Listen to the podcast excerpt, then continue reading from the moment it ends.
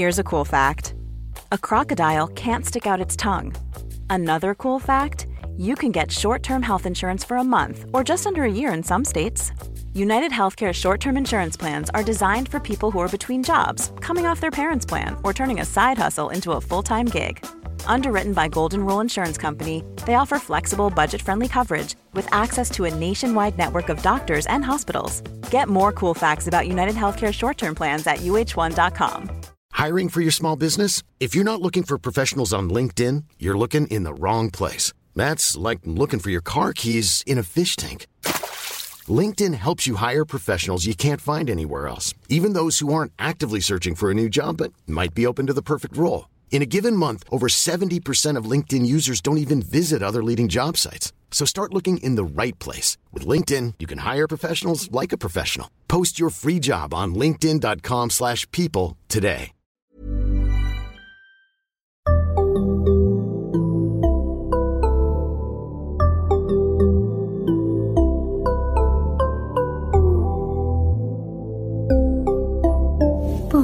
Barnpsykologerna. Välkomna till ett nytt avsnitt av Barnpsykologerna, en podcast med Liv Svirsky och Lars Klintvall. Idag ska vi tala om barn som är arga och det ska jag göra tillsammans med Martin Forster. Välkomna ni som lyssnar och välkommen Martin. Tack. Du kan väl börja med att presentera dig. Du var ju med i avsnitt sju, men om någon eventuellt inte har hört det så kanske det är bra att presentera dig. Ja, precis. Jag är legitimerad psykolog och eh, har jobbat i många år just eh, med frågor som handlar om föräldrar och barn och ofta då problemen med bråk och konflikter. Så jag har jobbat med utveckling och forskning av föräldrastödsprogram och så inom socialtjänsten och eh, sen flera år är jag på Karolinska institutet och forskar om det också.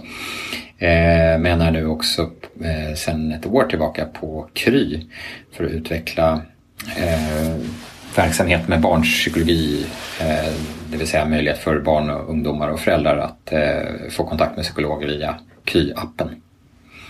Just det. Spännande. Går det bra? Det går bra. Det är ju väldigt roligt att se de fall där digital vård verkligen funkar. Som till exempel eh, föräldrar som skriver att eh, vi hade aldrig kunnat få den hjälp vi fick här eh, eftersom vi bor på ett ställe där det inte finns psykologer. Eller det. där det är en hemmasittare som inte vill komma iväg och gå träffa någon någonstans och så kan man ändå ha kontakt och ge stöd till föräldrar och så. Så att det, det känns jätteroligt tycker jag och, och försöka hitta vägar till att nå ut, nå ut med hjälp. Verkligen. Ehm, det får vi tala om en annan Ja, det får gång. vi göra. Eh, för det kan man prata mycket om, tänker jag. Mm. Men idag ska vi alltså fokusera på barn som är arga och utagerande. Mm.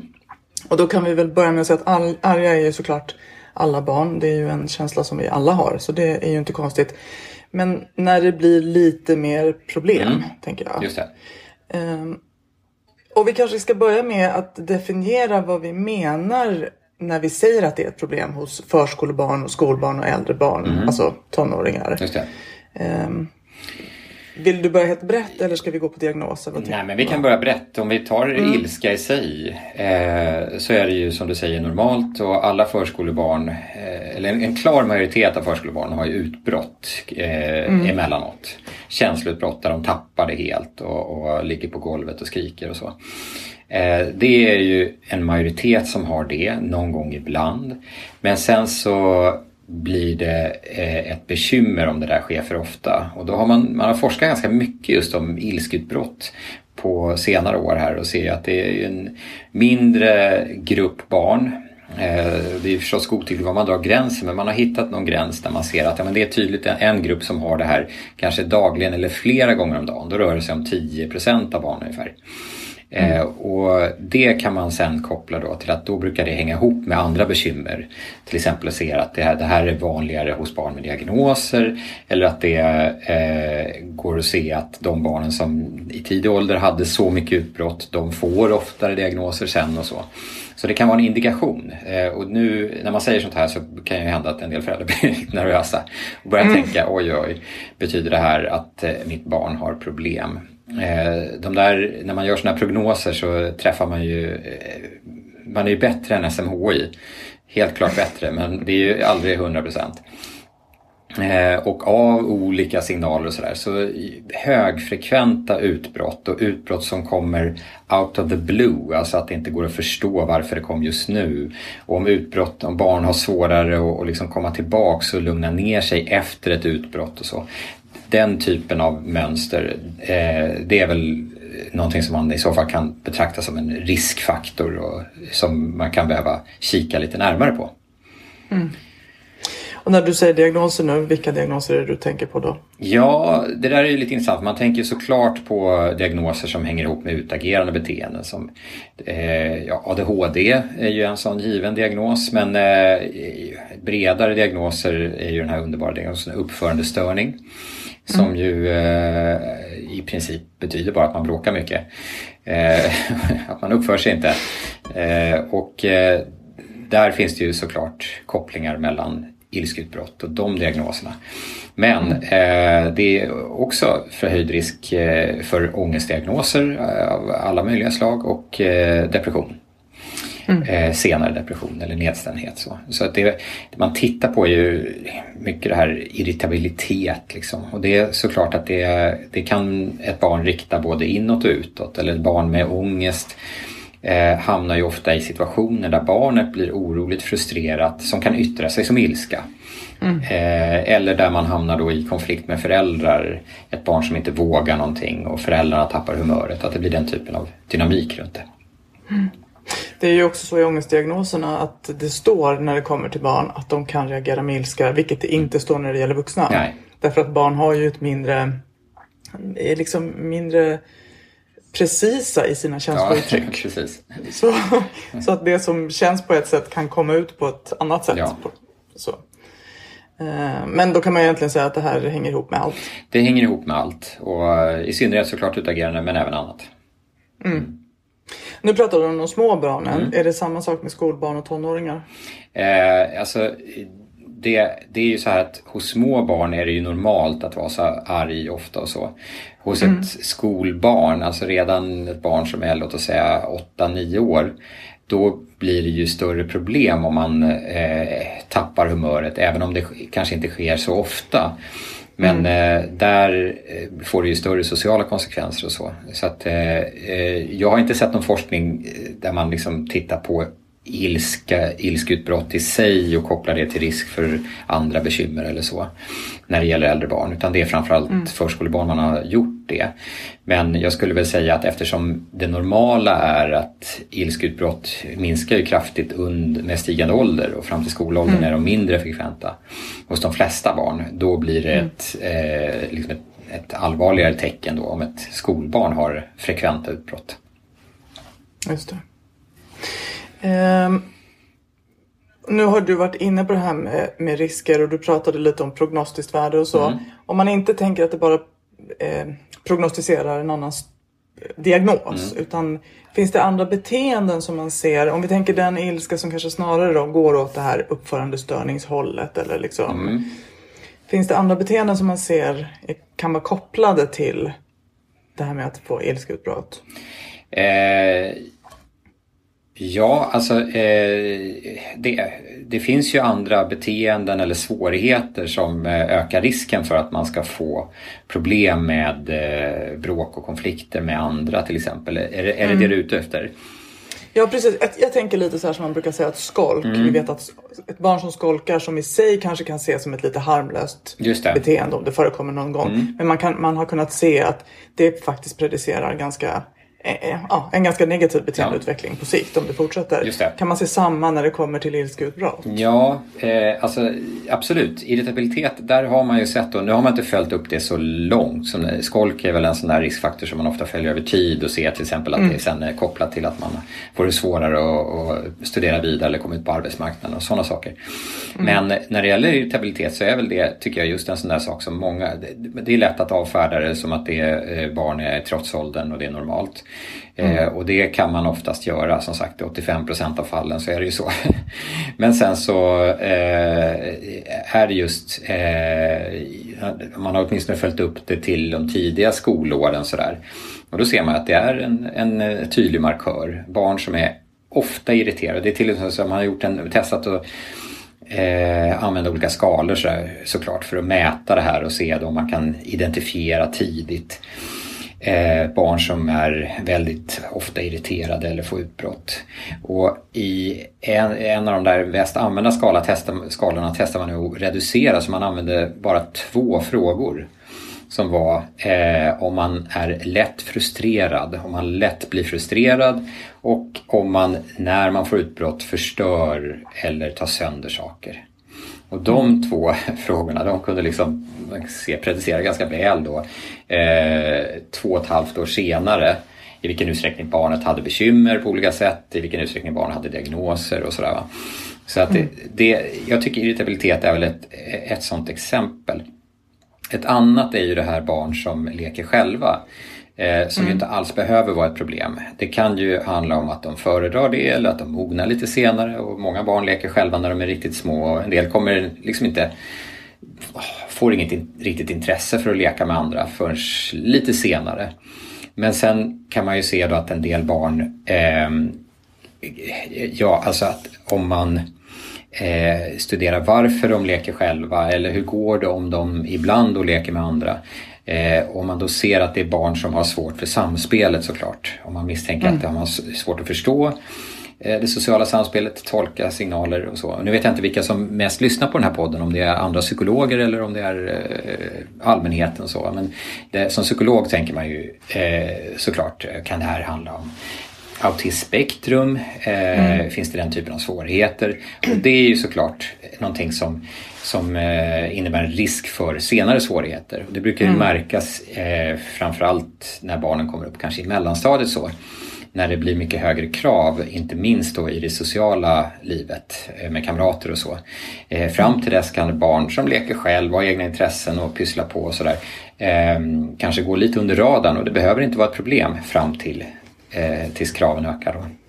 Mm. Och ytterligare en sån här sak som man kan det är inte något, dolt tecken eller någonting som man tycker är oproblematiskt eh, såklart. Men, men, barn som eh, blir fysiskt aggressiva. Som mm. slåss eller eh, sparkar och hamnar i den typen av konflikter med kamrater. Det är ju en särskilt stark sån där riskfaktor, tydlig riskfaktor för att man ska få problem även senare. Men det är ganska normalt att göra det återigen då under förskoleåren. Men om man fortsätter där efter 5-6 och fortsätter att vara fysiskt aggressiv när man liksom kommer in i första, andra klass. Då eh, bör man ta det på allvar. Mm. Och inte... Mm, men det blir... Ja. Du, jag, tänker, jag tycker när jag träffar barn ibland som söker för ilska. Mm. Att det finns en grupp barn som, får, som ångrar sig väldigt mycket efteråt när de har hamnat i tråkiga mm. situationer mm. och kanske sagt dumma saker. Eller ja, men, kastat någon innebandyklubba i marken eller till och med knuffat någon eller så. Ja. Och så finns det en grupp av barn som inte på, liksom, riktigt ser att det var de gjorde någonting som inte blev bra. Mm. Utan kan man se det i, även i studier? Att jo, det är skillnad på de här två? Mm, absolut, och där får man nog bryta ner det ytterligare. Eh, men en, en sån där indelning är ju det du är inne på, det reaktiva. Att man blir mm. arg eller frustrerad, känner sig kränkt och då reagerar med eh, ilska, frustration eller ibland eh, fysisk aggressivitet och så. Reaktiv aggressivitet pratar man om då. Och det, mm. det är inte lika stor riskfaktor, eller lika tung riskfaktor som proaktiv aggressivitet. Det vill säga uh, barn som är aggressiva, som använder aggressivitet eller hot eller våld eller andra sådana negativa beteenden som medel för att få det man vill. I situationer mm. där de inte nödvändigtvis är frustrerade utan helt enkelt, jag vill ha den här bandyklubban så jag smackar till den som håller i mm. och så får jag den. Eh, och det är väl eh, liksom en, eh, en del, en möjlig förklaring till om, som du, det exempel du tog då, där barn inte verkar tänka så mycket i efterhand på att det de gjorde var fel. Det kan ju handla om det här då, att man inte mm. bryr sig helt enkelt så mycket. Men sen kan ju det där också vara det vi var inne på eh, nyss här, nämligen barn som har svårt att förstå det sociala samhället, samspelet och inte kan ta andras perspektiv riktigt. Alltså det är inte så att de inte bryr sig. Om de skulle förstå att de andra blev ledsna eller tog illa upp när de gör olika saker, då kanske de skulle låta bli, men de förstår det inte. Mm. Och det som är liksom sämst i någon slags eh, prognos då, om man pratar om risker inför framtiden, det är ju den renodlade proaktiva aggressiviteten. Barn som på ett medvetet sätt använder våld eller andra eh, former av aggressivitet för att få sin vilja fram. Mm. Om man, kan man använda den uppdelningen också när man tänker på vad man ska göra, sätta in för åtgärder? Ja, absolut. Eh, och det där är ju jätteviktigt för att ganska ofta så eh, ger man ju, eller vidtar man en och samma åtgärd när barn är aggressiva. Eh, eller de vanligaste åtgärderna är väl att skälla, försöka prata till rätta och sådär. Men, mm. men ibland då kanske man försöker jobba lite mer konstruktivt med barn som hamnar i konflikter ofta då. Eh, prata med dem och försöka träna dem på hur de kan tänka istället och hur de kan lugna ner sig och så. Vilket är direkt meningslöst, i vissa studier till och med kontraproduktivt för barn som framförallt eh, har proaktiv aggressivitet. Mm. De, är ju inte, de behöver ju inte lugna ner sig, det är inte det som är deras problem. Eh, och det finns eh, inte lika mycket eh, bra, det är, det är liksom ett återkommande fynd i sådana här eh, studier om till exempel föräldrastöd eh, till familjer där något barn är bråkigt ser man att det blir sämre resultat om barnen har mer av det proaktiva. Mm. Eh, och där eh, finns det inte riktigt någon eh, säker forskning på vad ska man då göra med de barnen, hur ska man hjälpa dem? Eh, de flesta rekommendationer går ut på att ja, då får man jobba väldigt mycket i varje enskild situation och ha koll och se till att inte de här negativa beteenden sanktioneras. Så och tvärtom då försöka skapa förutsättningar för att uppmuntra och förstärka alternativa sociala beteenden. Så egentligen att man förändrar lite grann konsekvenserna för barnets beteende. Det ska inte längre löna sig att eh, vara aggressiv och tvärtom så ska det löna sig mer då att vara social. Men eh, jag, jag, har inte sett någon eh, omfattande eller bra forskning eller några exempel på behandlingsprogram som visar att här lyckas vi jättebra med det här. Det är knepigare helt enkelt. Mm. Men då när du säger att det blir sämre, det är inte bara så att de inte förbättras utan det blir faktiskt en försämring nej, i sådana här vanliga... Nej, i, i regel i de studier som jag tänker på nu med föräldrastöd där har man sett att det, mm. det blir en för, förbättring i, i, snitt. Men den gruppen förbättras inte lika mycket. Som, nej, okay. Men de försämras inte nej, de här insatserna? Det gör de inte men, men det finns exempel på studier där man har med, med ungdomar då eh, genomfört mm. social färdighetsträning som ju är just så här hur, hur ska du hantera din ilska och vad kan du göra istället om någon är dum mot dig och sådär. Eh, där man har sett försämringar. Alltså att de mm. blir mer eh, manipulativa eller aggressiva som följd av den här träningen. Och hypotesen... Alltså att man ger dem färdigheter som de använder på fel Ja, sätt. det är väl hypotesen då. Men, men eh, mm. det är ju enskilda studier och sådär och det finns inte heller någon, något konsensus runt det. Men jag, jag tänker rent Teoretiskt så är det ju inte rätt behandling för ett barn med framförallt proaktiv eh, aggressivitet. Men om vi tar de reaktiva, mm. vad, behandlingsmässigt, vad ska man göra med ja, dem? För det är ändå vanligast och de flesta barn mm. har ju kanske lite av båda och sådär. Va?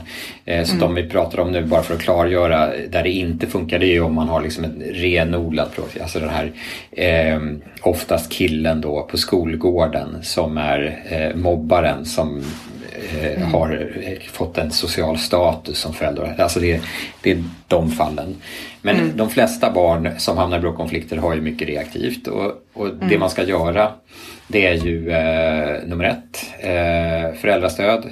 Den enskilda insatsen som eh, både där det både finns, finns mest säkert stöd för, som det finns mest säkert stöd för och som också har bäst effekter generellt. Det är ju att ge olika typer av beteendebaserat föräldrastöd. Eh, det är liksom den enda insatsen när det gäller barn som har eh, väl etablerat stöd enligt den här standarden som amerikanska psykologförbundet brukar eh, mm. använda när de rangordnar olika insatser. Så det är det. Eh, men eh, sen så är det ju också då, så, på, andra plats kommer ju ungefär motsvarande insatser i skolan, det vill säga att lärare får handledning eh, i hur de ska bemöta de här eleverna då när de får utbrott eller hur de ska förebygga utbrott och, och sådana saker. Och det, det som är gemensamt för de insatser som med bäst stöd det är ju att man jobbar egentligen med barnets omgivning. Man jobbar inte med barnet självt så mycket. Det finns ju även sådana insatser som har stöd. Social färdighetsträning nämnde jag som funkar då om man har mycket reaktiv eh, mm. aggressivitet. Men, men det är inte lika gott stöd som föräldrastöd till exempel. Det är mycket stöd här. Men, eh, eh, och eh, eh, så. Det finns också kombinationsinsatser där man både jobbar med barnen och parallellt med föräldrarna och så.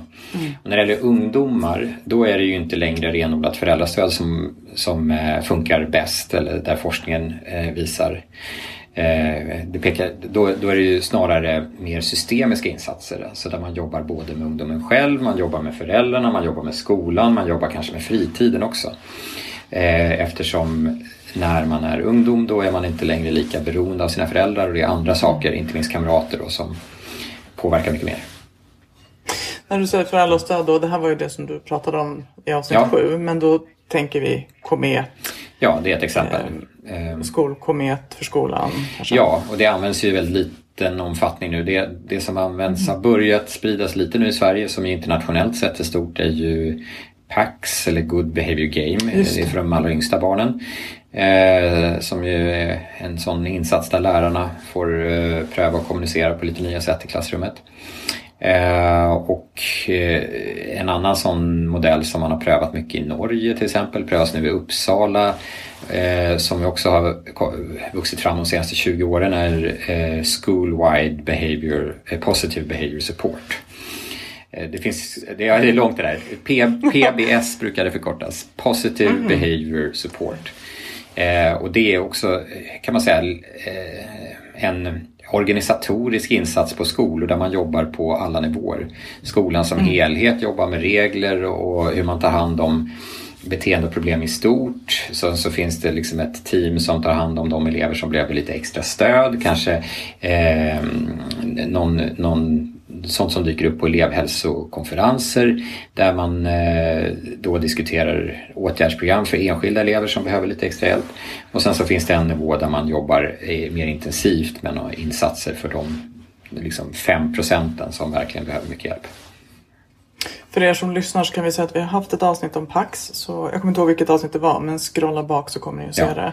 Och just det här med positivt beteendestöd. Mm. Där kommer vi att ha ett avsnitt i vår ja, med Peter Karlsson. Som Perfekt, då, får ni, ska prata mer om det. då ska inte jag säga mer med risk för att säga fel. det får du gärna göra men vill man fördjupa ja. sig ännu mer så är det bra att hålla ut sig. Mm. Eh, men okej, okay, eh, egentligen då mycket fokus på att det är inte barnet som ska som man liksom zoomar in på utan det är väldigt mycket runt barnet. Ja också. precis och det är ju det. Det är också för att eh, beteendeproblem är ju ofta så, eller utagerande problem, ilska och så, är ju ofta så eh, situationsbetingat. Mm. Eh, det är de flesta problem men i synnerhet det här. Det är ju väldigt vanligt till exempel att ett barn bråkar mycket hemma och sen är ett ljus på förskolan eller skolan. Eller tvärtom. Eh, och då är det väldigt tydligt att eh, det, är liksom, det är inte så att barnet saknar förmågan att eh, fungera socialt på ett bra sätt. Utan det är någonting i miljön som man måste åtgärda.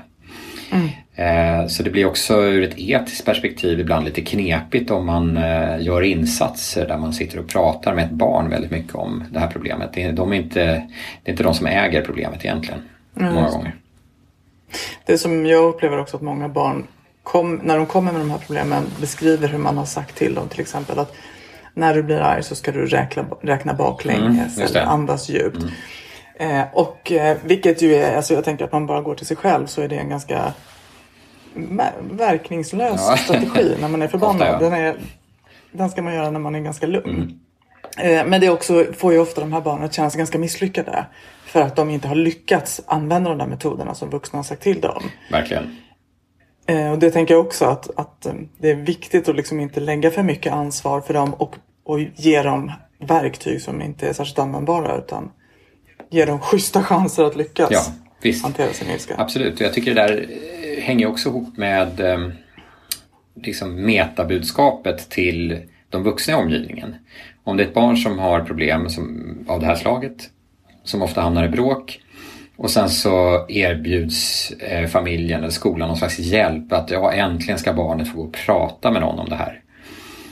Eh, då andas ju de vuxna lite grann ut och mm. eh, budskapet blir ju att det är någonting som barnet behöver lära sig eller ändra på eller bearbeta eller någonting sånt där. Va?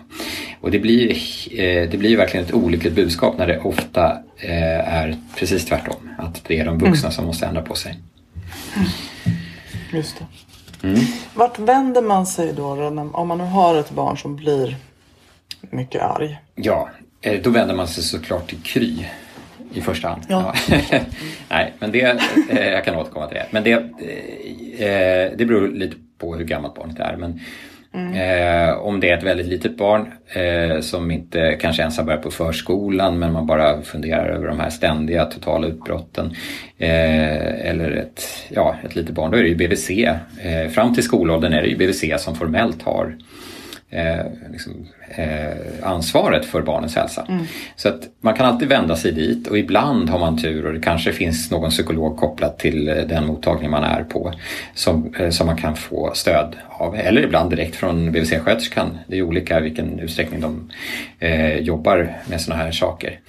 Eh, men jag skulle säga att det är väl en ganska vanlig upplevelse att man inte får så mycket hjälp därifrån utan BVC har ju mer fokus på andra saker och jobbar väldigt förebyggande och brett och generellt. Så om man har lite större bekymmer så är det ju en vanlig upplevelse att där, där får vi inte tillräckligt med hjälp eller ingen hjälp och så. Eh, och där eh, finns ju då sen ja, ett tio, snart 20 år så har man ju börjat bygga ut då psykologi inom primärvården. Som ju är tänkt som ett steg innan BUP, första linjen psykiatri. Eh, så att kolla med den lokala vårdcentralen. Eh, finns det här i, i den region där vi bor? Eh, var i så fall ska jag vända mig? Och i bästa mm. fall så finns det då någon vårdcentral eller läkarmottagning och ibland är det BUP som organiserar det här, det är olika olika regioner. Så finns det då möjlighet att få komma och där, det som är bra där är att det, det är ingen kvalgräns utan alla får komma och få en bedömning och kan få råd. Eh, och vid behov också behandling som eh, i regel inte är tidsbegränsad och så. Återigen är det olika olika regioner. Men det där är ju en jättebra eh, utveckling att man har börjat bygga ut det här. Eh, mm. Men dessvärre så är det ju fritt val för regionerna eh, inom primärvården. Att man behöver inte ha det här. Vilket gör att tillgången varierar kraftigt då. Eh, och över landet? Ja, över landet och även i regioner där man har eh, byggt ut det här ganska mycket som i Stockholm till exempel så kan det emellanåt vara så att det är inte fråga om att man uppfyller vårdgarantin som nu är tre dagar och att man ska få en första bedömning inom tre dagar. Eh, det gör man ju inte. Alltså långt, långt, långt ifrån. Utan ibland mm. kan det vara eh, tre månader eller fem månader har jag hört då på mottagningar jag har pratat om. Med och då är det inte längre primärvård. Så att tillgången är ju för dålig och det är också därför som eh, eh, jag känner att för mig så blev det viktigt att, att försöka hitta något annat sätt att jobba med det här och det är därför jag tycker det är mm. intressant att jobba på Kry. För det är ju som en primärvård dit eh, man kan vända sig oavsett var man bor i landet. Så att Kry eller andra digitala vårdgivare, nu är det inte så många som jobbar just med barn. Det är Kry och någon till som gör det. Min doktor, tror jag, vad jag vet, mm. ingen mer när det gäller psykologi. Eh, finns ju också numera. Eh, och eh, eh sen såklart, eh, när barnen kommer upp i skolåldern så finns ju elevhälsan. Och elevhälsan, ur mitt perspektiv så är det ju om man, om man ser det, vad kan samhället göra för mm ungas psykiska hälsa, då är ju elevhälsan nyckelspelaren för att man är där alla barn finns. Man har en chans att möta alla barn, även de vars föräldrar aldrig skulle ha kapacitet eller intresse av att söka hjälp för sitt barns räkning.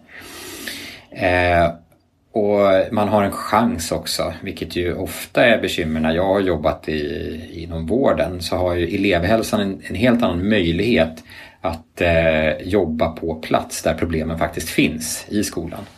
Så att elevhälsan eh, har ju verkligen möjligheter där. Dessvärre så är ju de starkt begränsade. Dels i sitt uppdrag att de ska inte jobba eh, så mycket med behandling eller åtgärder på individnivå. De har visst sånt utrymme men primärt ska de ju jobba förebyggande. Eh, och också så måste det alltid vara kopplat till eh, Eh, skolarbete på något sätt. För elevhälsans enda mål är egentligen att eleven ska ta sig igenom skolan med godkända betyg. Eh, och såklart blir liksom den psykosociala arbetsmiljön en del i det. Men eh, det måste vara kopplat på något vis till skolan för att man ska kunna få någon hjälp där. Och den hjälp man kan få som är det vanligaste det är väl att eh, det är framförallt kuratorer då. Skolpsykologer mm. har ju sällan möjlighet till så mycket enskilda insatser. Men kuratorer har ju det ibland och kan ju ge jättebra stöd och det är vanlig i undersökningar som jag har sett när man har frågat ungdomar eh, om de har fått hjälp, eh, var de har fått hjälp, vad de har tyckt så är det ganska vanligt att man ser att de har pratat med en skolkurator och att de har verkligen fått bra stöd och hjälp där. Jag tror att man skulle kunna, och det är många politiker som vill också, verkligen förstärka elevhälsans möjligheter här. Eh, och kanske i samarbete, samverka med primärvården för det, där där är det ju då i vissa som sagt regioner så finns inte det och då sitter ju elevhälsan verkligen med det här. Mm. Om man inte går den vårdvägen då, utan vänder sig mot socialtjänsten, mm. vad har de för insatser då? Precis. Eh, och innan vi går in där så ska vi bara nämna BUP också kanske. Ja, det, är själv, det är självklart. Jag, jag, tog inte upp det nu för att jag eh, tänkte det så att det är självklart men, men också att det, det har ju blivit allt svårare att eh, få hjälp på BUP och det beror ju på att mm. de har ett sånt enormt inflöde av patienter. Det beror inte på att BUP latar sig utan de behandlar ju fler patienter än någonsin. Man har ju sett hur eh, besöksstatistiken har ökat kraftigt. Så de senaste tio åren eh, pratar vi om en fördubbling av antalet behandlingar för depression och ångest till exempel. Eh, men eh, inflödet ökar ständigt och man har också gjort analyser där man ser att första linjens psykiatri, alltså primärvården, det man ändå har börjat med nu, har inte avlastat BUP. Utan det är liksom andra grupper som söker sig dit. Mm. Eh, man kan söka till BUP direkt, man behöver inte remiss. Man kan ringa och eh, beskriva sitt problem och bli kallad. Eh, men ofta blir ju människor nekade om inte barnen mår, har tydliga, klara problem eller mår riktigt dåligt. Eller så kan väntetiden vara lika lång där. Väntetiden är ju väldigt lång. Det är ju bara ett, en liten region, Gotland, som förra året då, 50 000 invånare, klarade av Eh, vårdgarantin, 30 plus 30 dagar. Och det är ändå en ganska lång tid att vänta. Eh, om mm, man mm, till exempel eh, har ångest, mår så dåligt, man inte orkar gå i skolan. När mm. två månader har gått har halva terminen, terminen gått så att det är eh, mm. eh, inga andra regioner klara ens det då, förra året. 30 plus 30, då är det 30 dagar till första kontakt, 30 dagar till behandlingsstart. Ja, precis. Eh, så att det finns ju ett enormt behov av att eh, hitta eh, nya sätt att organisera vården här runt mm. barn och unga. Och socialtjänsten såklart är ju också ställe där man kan få hjälp när det gäller sådana här problem. Där gränsdragningen mellan om det är ett socialt betingat problem eller om det är ett um, psykiatriskt problem inte är så tydlig.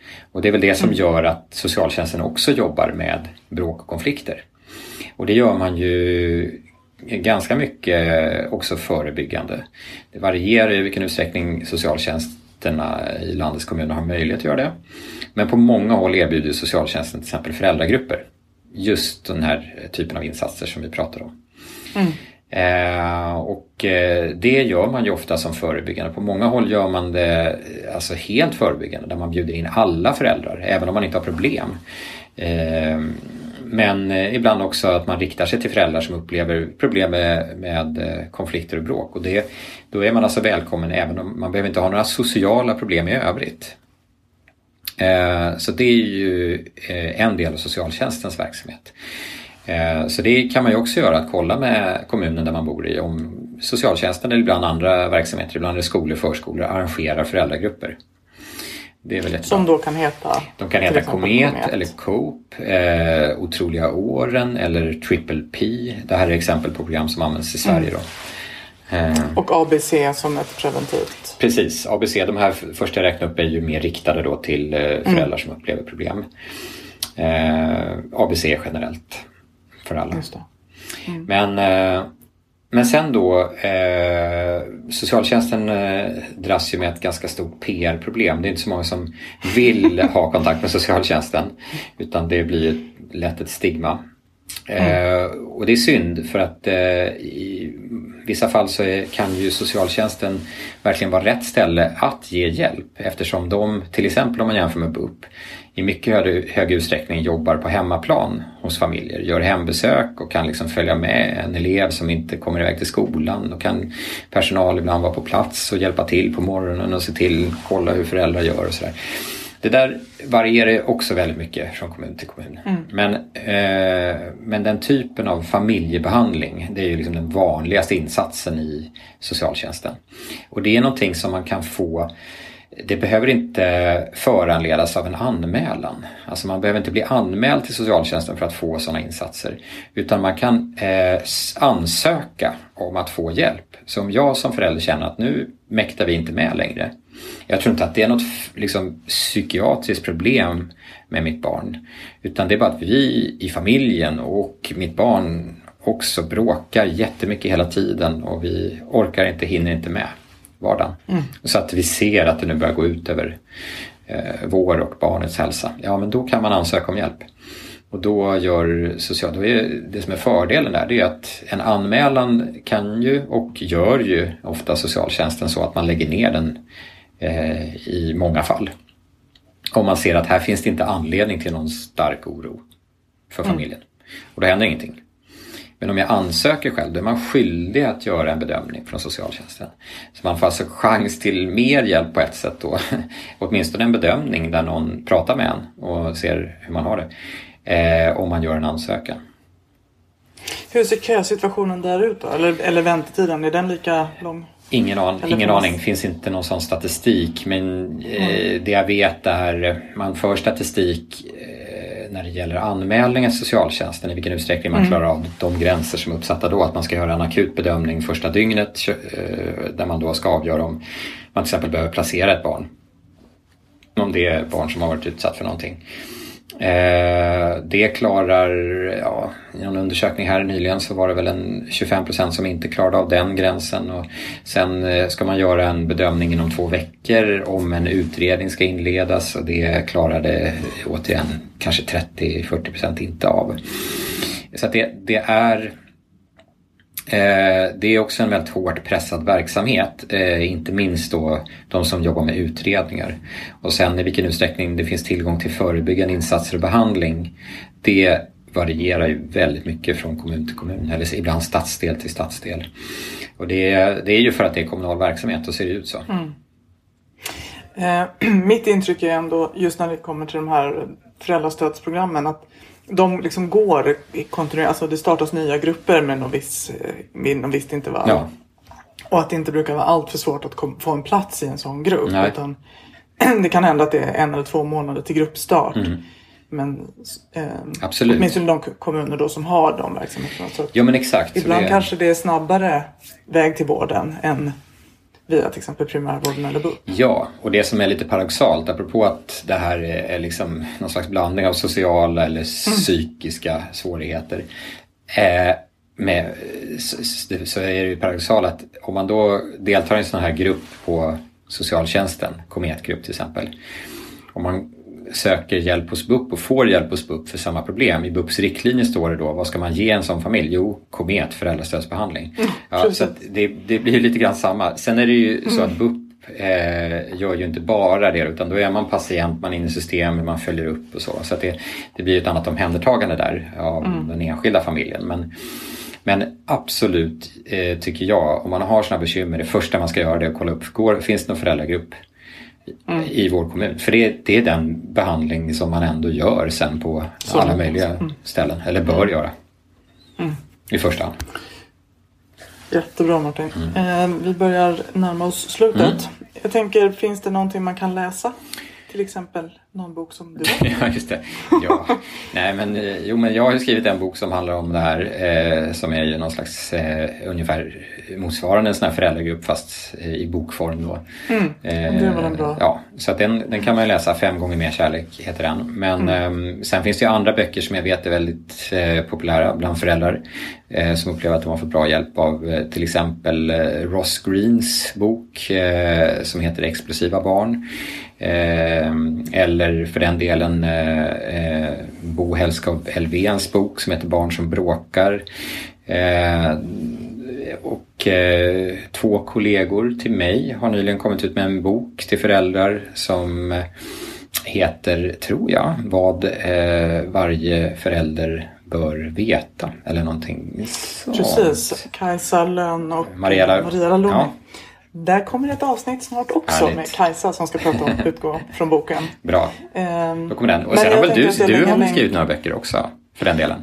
Ja, ganska många böcker. Och nu minns jag inte om du har skrivit någon om just det här. Men det tror jag. Föräldrahjälpen är ju precis det här temat. Just det. Ja, men jag tänker att vi lägger länkar på vår Facebook ja. Eh, så att ni som lyssnar kan gå in och se yes. vad det är vi pratar om. Mm. Finns det några hemsidor också som man kan spana in på om man vill se till exempel föräldrastödprogram och så? Mm, ja, dessvärre gör det ju inte det. Det här är väl ett bekymmer ska jag säga. Eh, för att det är mm. ingen myndighet eller eh, liksom offentlig verksamhet som tar ansvar för det förebyggande arbetet i Sverige. Det faller mellan stolarna. Eh, en mm. del har kommuner, en del har regioner. Men det är ingen som tar ansvar för till exempel att sprida föräldrastöd i Sverige även fast det mm. borde vara så som det är i Norge till exempel. Eh, så att det finns inte någon sån offentlig eller officiell eh, hemsida riktigt. Sen så är det klart, jag tror att om man söker på 1177 så kan man nog hitta eh, lite grann av det här. Mm. Eh, så att jag har eh, eh, inget sånt att rekommendera. Eh, min forskargrupp på Karolinska, vi har ju en hemsida som riktar sig framförallt till professionella då.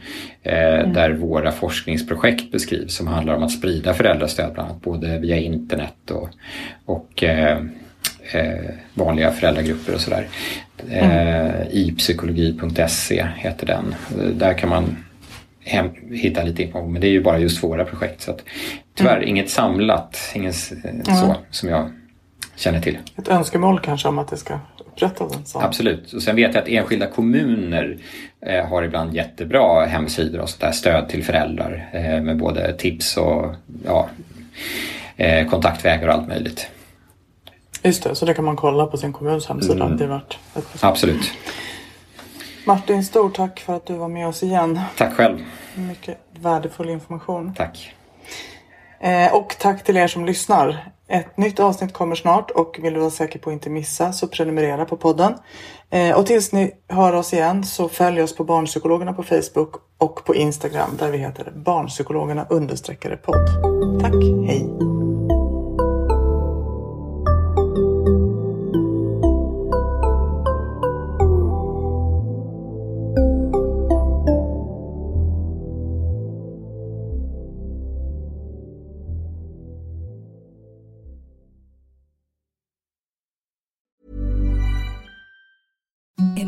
The softest sheets you've ever felt. Now imagine them getting even softer over time. That's what you'll feel with Bowl and Branch's organic cotton sheets. In a recent customer survey, 96% replied that Bowl and Branch sheets get softer with every wash. Start getting your best night's sleep in these sheets that get softer and softer for years to come. Try their sheets with a 30-night guarantee. Plus, get 15% off your first order at bowlandbranch.com. Code BUTTERY. Exclusions apply. See site for details.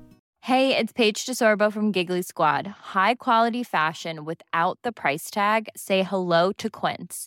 I'm snagging high-end essentials like cozy cashmere sweaters, sleek leather jackets, fine jewelry, and so much more. With Quince being 50 to 80% less than similar brands.